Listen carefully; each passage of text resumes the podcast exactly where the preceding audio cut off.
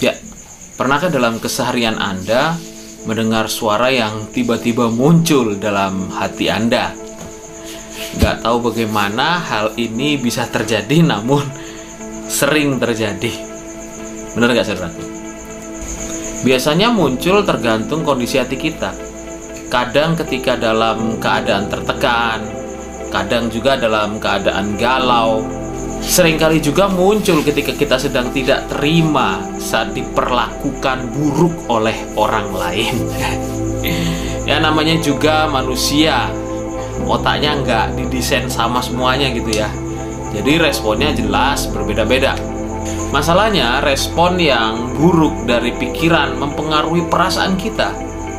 Wah kalau misalnya perasaannya jadi buruk, bisa mempengaruhi mood dan seharian itu kita nggak enak nggak ngapain betul tidak saudara?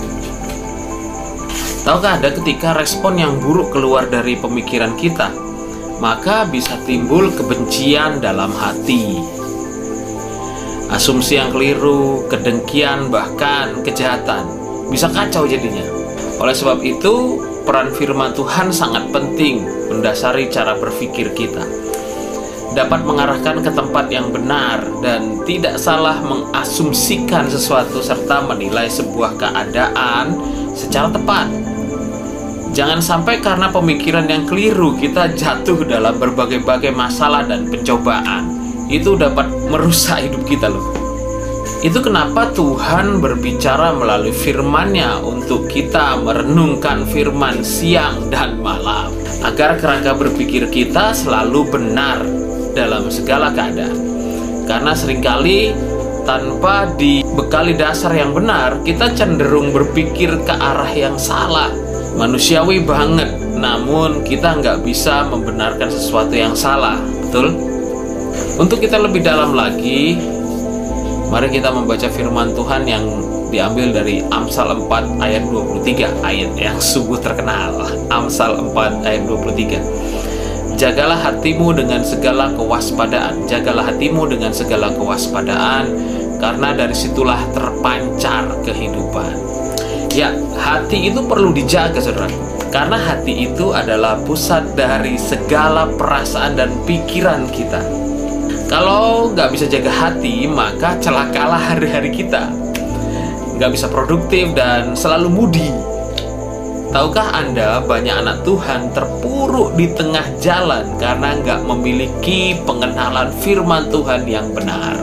Bagaimana mungkin kita hanya seminggu sekali saja ke gereja? Apakah itu cukup untuk menjadikan dasar kehidupan kita?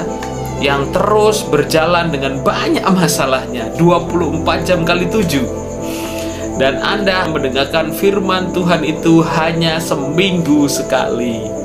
Gak mungkin lah sangat tidak logis menurut saya. Untuk bernafas saja Anda perlu 12 sampai 20 kali setiap menitnya. Untuk makan Anda perlu tiga kali sehari. Untuk belajar pengetahuan dasar Anda perlu 12 tahun. Belum lagi jika Anda melanjutkan pendidikan ke tingkat yang lebih tinggi lagi. Dan pasti bagi Anda tidak cukup hanya dengan seperti itu toh anda akan terus belajar sampai dengan puas. Namun mengapa jika itu firman yang Tuhan sendiri perintahkan untuk kita dengarkan dan perkatakan siang dan malam dan untuk modal kekekalan kita, kita malah enggan untuk mengerjakannya. Sama sekali tidak logis kalau dipikir-pikir ya saudaraku. Pengakuan, kekayaan, pleasure, power, human right, and whatever lah kita berjuang benar-benar untuk itu. Tetapi firman Tuhan dan kebenarannya kita lupakan. Kita sering mengindahkannya padahal itulah kebenaran yang sesungguhnya. Anda tahu itu kan? Semua nilai-nilai baik, hukum, dan tatanan kehidupan yang ada di dunia ini bermula dari kebenaran firman. Jadi mengapa kita mengindahkannya?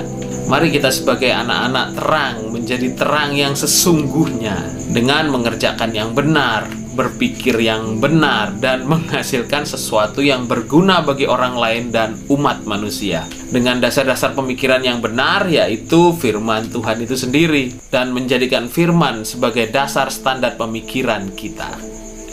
Semoga firman Tuhan itu menerangi jalan kehidupan Anda. Tuhan Yesus memberkati.